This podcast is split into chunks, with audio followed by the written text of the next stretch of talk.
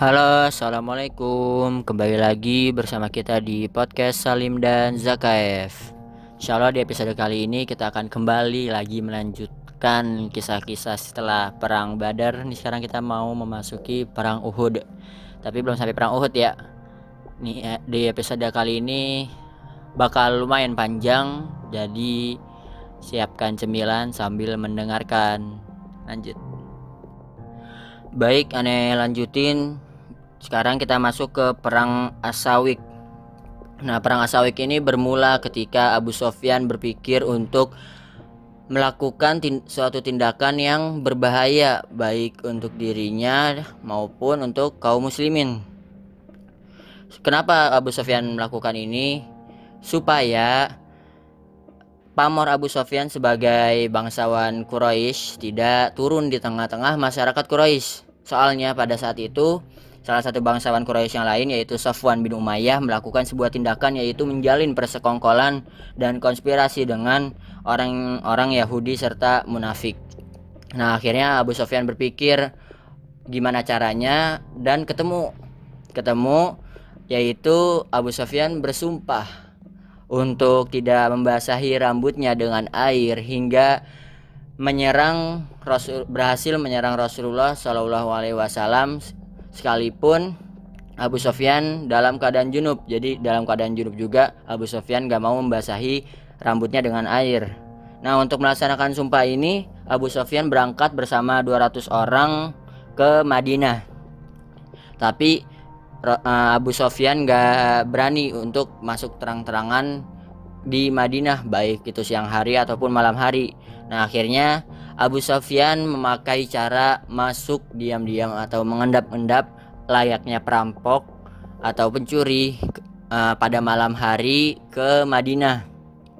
Awalnya Abu Sofyan ke rumah Huyai bin Akhtab terlebih dahulu, tapi Huyai bin Akhtab menolak untuk uh, me, apa ya, menjamu Abu Sofyan karena Huyai sendiri takut.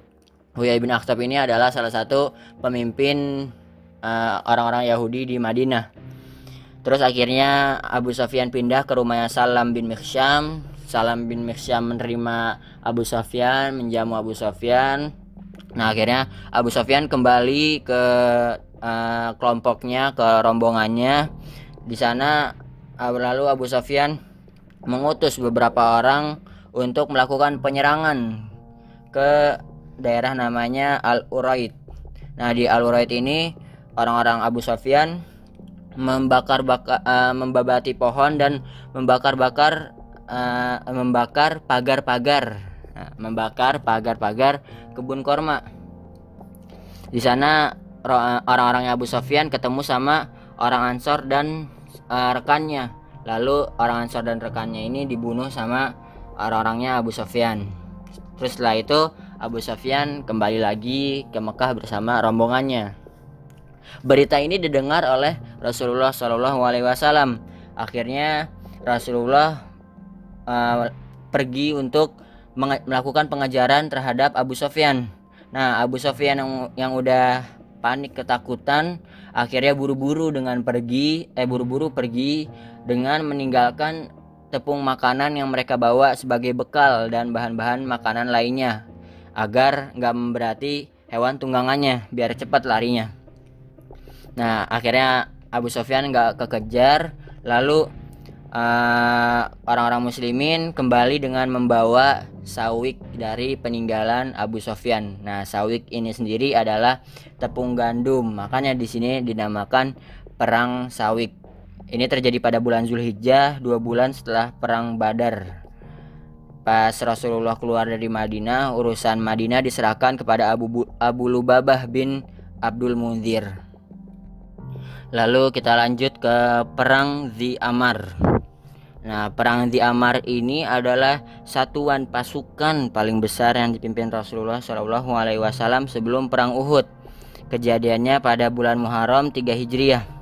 Ketika itu, mata-mata Madinah menyampaikan berita kepada Rasulullah Shallallahu Alaihi Wasallam bahwasannya Bani Sa'labah dan Muharib uh, melakukan atau berhimpun untuk menyerbu daerah-daerah di sekitar Madinah. Akhirnya Rasulullah Shallallahu Alaihi Wasallam mempersiapkan pasukan dan pergi bersama 450 prajurit. Ada yang berjalan kaki dan ada yang naik hewan tunggangan. Sementara Madinah sendiri diserahkan kepada Uthman bin Affan radhiyallahu anhu. Yang uniknya di perang ini adalah penunjuk jalan bagi pasukan kaum muslimin sendiri adalah orang dari Bani Sa'labah yaitu namanya Jabbar. Jadi ceritanya Jabbar ini berada di tengah-tengah pasukan kaum muslimin lalu waktu itu Jabbar ini belum masuk Islam dan akhirnya Jabbar ditawari oleh Rasulullah Wasallam untuk masuk Islam dan akhirnya Jabar masuk Islam lalu Jabar menjadi penunjuk jalan bagi pasukan kaum muslimin ketika pasukan kaum muslimin datang ke Bani Sa'labah dan Muharib atau tempat musuh uh, musuh ini nggak ada yang berani menyambut kedatangan pasukan kaum muslimin jadi ketika pasukan kaum muslimin datang uh, musuh-musuh langsung berpencar ke gunung-gunung. Mereka pada kabur atau takut. Nah akhirnya Rasulullah Wasallam dan pasukannya berhenti di sebu di tempat berkumpulnya musuh yaitu di sebuah mata air yang disebut The Amar. Rasulullah Shallallahu Alaihi Wasallam menetap di sana selama sebulan penuh pada bulan Safar 3 Hijriah. Tujuannya perang yang dilakukan Rasulullah Shallallahu Alaihi Wasallam dan tujuan dalam penginapan ini adalah untuk menunjukkan kekuatan kaum muslimin kepada daerah-daerah di sekitar Madinah dan juga khususnya Makkah dan juga agar menimbulkan rasa takut atau ya rasa segan untuk mengganggu kaum muslimin di Madinah. Akhirnya setelah itu Rasulullah eh, bersama pasukan kaum muslimin kembali ke Madinah. Sekarang kita masuk ke terbunuhnya Ka'ab bin Al-Ashraf. Sebelum masuk ke peristiwa pembunuhan Ka'ab bin Al-Ashraf, kita mengenal dulu siapa itu Ka'ab bin Al-Ashraf. Ka'ab bin Al-Ashraf ini adalah salah seorang pemimpin Yahudi dan beliau ini yang paling atau Ka'ab bin Al-Ashraf ini yang paling dendam terhadap Islam dan orang-orang muslim. Jadi sangat benci gitu ya. Uh, Ka'ab bin Al-Ashraf ini dari kabilah To'i dari Bani Nabahan, ibunya berasal dari Bani Nadir. Dan Ka'ab bin Al-Ashraf ini juga seorang penyair dari kalangan Yahudi. Bentengnya ada di sebelah tenggara Madinah, tepatnya di bagian belakang dari perkampungan Bani Nadir. Nah, Ka'ab bin al-Ashraf memberikan doktrin bahwa kaum Quraisy harus memerangi kaum muslimin dengan menyuarakan kepada Abu Sofyan bahwa agama kaum Quraisy itu lebih baik daripada agama Islam atau agamanya agamanya Rasulullah Shallallahu Alaihi Wasallam dan juga Ka'ab bin al Ashraf melakukan pelecehan terhadap beberapa perempuan kaum muslimin dalam syairnya. Jadi dalam syair yang dibuat oleh Ka'ab bin al Ashraf terdapat eh, kandungan-kandungannya yang yang melecehkan kaum uh, perempuan dari kaum muslimin. Nah, dari sini hal ini kan bertentangan banget dengan piagam Madinah yang nggak boleh memecah belah antar kaum yang sudah di ditertera atau dituliskan di piagam Madinah.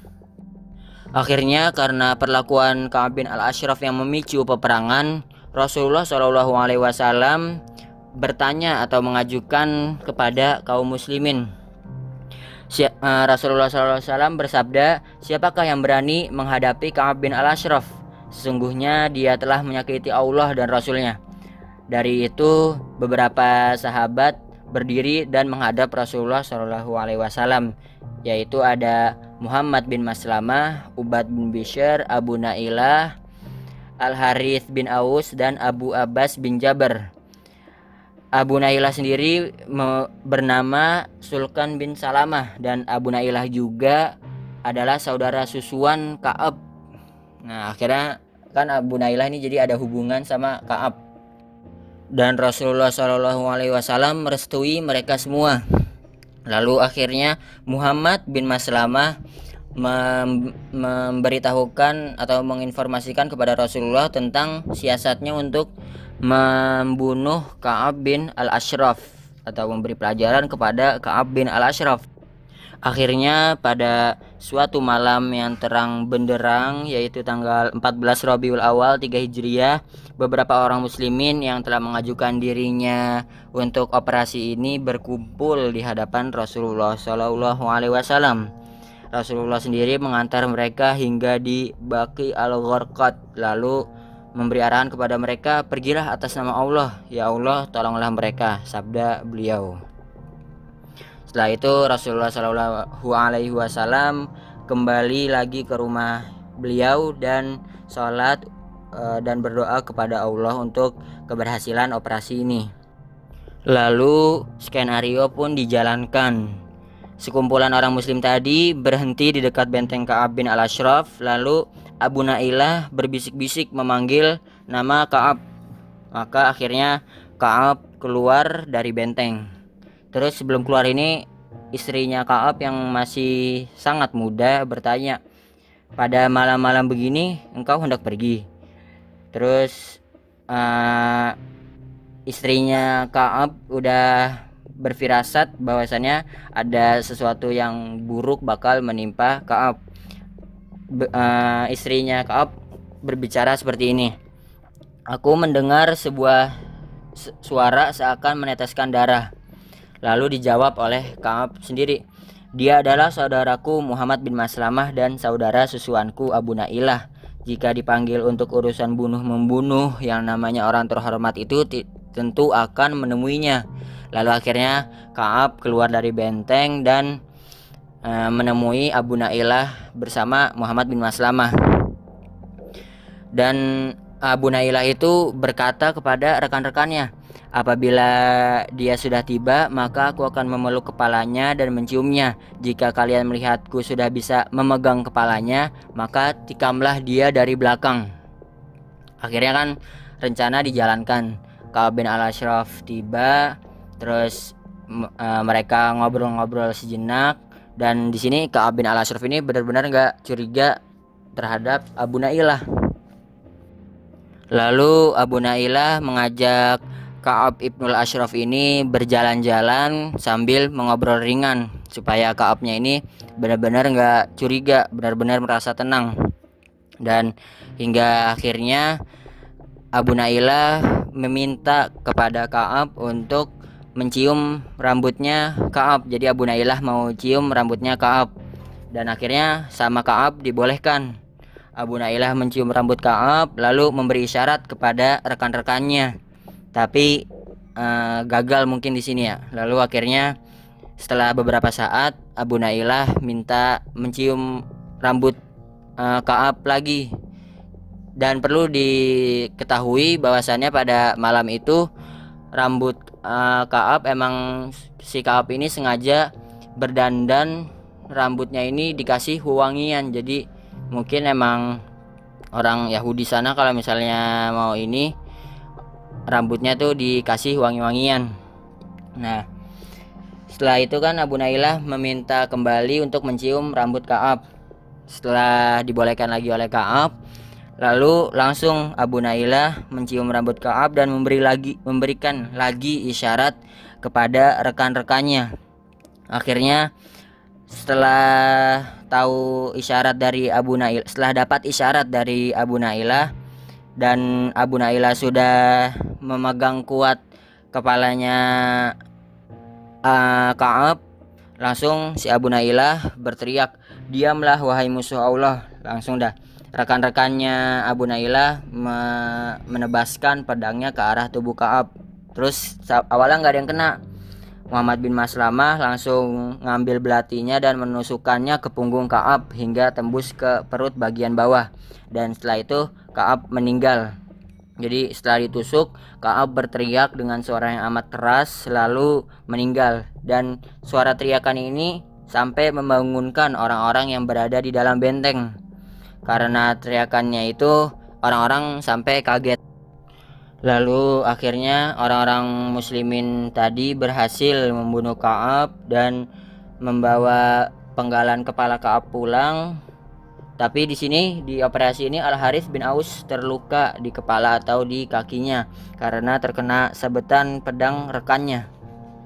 Dan luka ini cukup parah hingga mengeluarkan cukup banyak darah mereka terus kabur dan di perjalanan pulang ini Al Harith bin Aus sempat beberapa kali tertinggal karena semakin lemah kondisinya hingga tiba di Baki Al Gorkot mereka bertakbir dengan suara keras sampai didengar Rasulullah Shallallahu Alaihi Wasallam. Ketika Rasulullah tahu Rasulullah menyambut mereka dan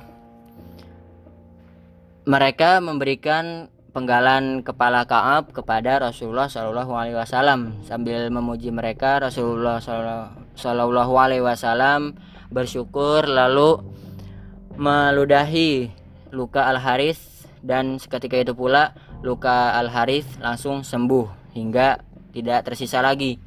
Peristiwa ini menyebabkan ketakutan yang mendalam kepada eh, orang-orang uh, Yahudi di Madinah sebelumnya orang-orang Yahudi ini sempat berani untuk melakukan gangguan-gangguan terhadap kaum muslimin. Akhirnya tidak berani sama sekali. Mereka mereka diam saja tidak melakukan aksi apa pun terhadap terbunuhnya pemimpin mereka yaitu Ka'ab bin Al-Ashraf. Lalu kita lanjut ke perang Burhan. Perang Burhan ini cukup besar karena di perang Burhan ini kaum muslimin jumlahnya mencapai 300 prajurit dipimpin langsung oleh Rasulullah Shallallahu Alaihi Wasallam pada bulan Rabiul Akhir 3 Hijriah. Perang ini disebut Burhan karena berada di suatu daerah yang bernama Burhan di Hijaz. Rasulullah Shallallahu Alaihi Wasallam menetap di sana hingga habisnya bulan Rabiul Akhir dan awal Jumadal Ula. Tapi tidak terjadi apa-apa lalu beliau ke Madinah. Nah, setelah itu satuan perang Zaid bin Harisah. Jadi satuan perang Zaid bin Harisah ini tujuannya untuk menyerang atau menggagalkan keberangkatan kafilah dagang Quraisy menuju Syam. Awal, awalnya orang-orang Quraisy pasti sudah memperkirakan mereka akan diserang jika melakukan jalur yang biasanya yaitu melewatkan melewati jalur pantai dan juga kan eh, orang-orang di daerah pantai ini sudah melakukan perjanjian damai dengan Rasulullah Shallallahu Alaihi Wasallam. Akhirnya orang-orang Quraisy berpikir keras kalau misalnya mereka nggak memberangkatkan dagangan uh, kafilah dagang ini, maka mereka akan semakin miskin atau jatuh miskin, bisa jatuh miskin atau semakin merugi di Mekah. Akhirnya mereka menemukan sebuah ide atau sebuah cara yang mungkin menurut mereka cukup bagus yaitu mengambil jalur di melewati Irak. Jadi untuk mau ke Syam mereka melewati Irak dulu. Tapi jalur ini sangat dile sangat jarang dilewati oleh orang-orang yang mau ke Syam. Jadi sedikit juga yang tahu tentang jalur jalur ini. Dan juga jalur ini menempuh perjalanan yang lebih lama karena mengambil jalan memutar. Akhirnya uh, orang-orang Quraisy menunjuk Safwan bin Umayyah sebagai pemimpin kafilah dagang dan Furat bin Hayyan dari Bani Bakar untuk penunjuk jalannya. Sementara Rasulullah Shallallahu Alaihi Wasallam sendiri di Madinah sudah mengetahui kabar tentang kafilah dagang ini yang akan berangkat melewati jalur Irak. Uh, untuk ceritanya kenapa Rasulullah bisa tahu bermula ketika dari Sulaid bin Nu'man yang telah masuk Islam tapi masih berada di Mekah. Waktu itu Sulaid ini ikut ikutan minum khamar bersama Nu'man bin Ma'ud al-Ash'ai. Nah, di sini ketika Nu'man terpengaruh oleh pengaruh khamar, lalu Nu'aim, maaf Nu'aim ini mengoceh tentang kafilah dagang Quraisy yang mengambil jalur jalur Irak ini. Akhirnya Sulaid langsung bergegas pergi menemui Rasulullah dan menceritakannya. Seketika itu juga Rasulullah langsung mempersiapkan pasukan dan menunjuk Zaid bin Harithah sebagai pemimpin pasukan. Pasukan ini terdiri dari 100 prajurit berkendara. Lalu Zaid bersama pasukan langsung berangkat agar biar pas sama kafilah dagang Quraisy agar bertemu lalu pasukan Zaid bin Harithah menginap di Qardah lalu di sini pasukan Zaid bin Haritha berhasil menghabisi kafilah dagang Quraisy. Di sini Sofwan bin Umayyah sama sekali nggak bisa mempertahankan kafilah dagangnya hingga Sofwan bin Umayyah bersama rekan-rekannya yang selamat melarikan diri. Dan akhirnya Rasul uh, Zaid bin Haritha bersama kaum muslimin pulang dengan membawa harta rampasan perang yang sangat banyak.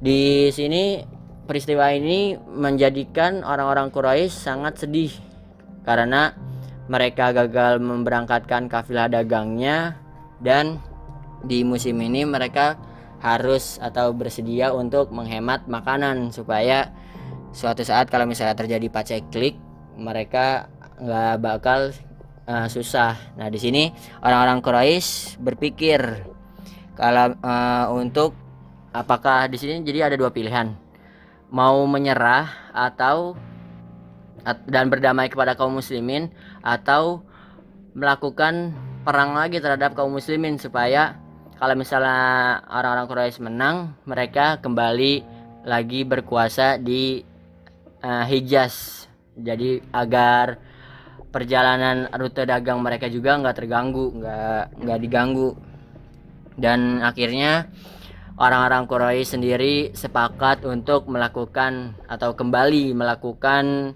perang terhadap kaum muslimin. Nah, di sini awal mula perang Uhud. Nah, jadi gitu di episode kali ini segini dulu. Mungkin kurang lebihnya mohon maaf. Jangan lupa di-share ke yang lain biar bermanfaat biar makin bermanfaat. Kurang lebihnya mohon maaf. Wassalamualaikum warahmatullahi wabarakatuh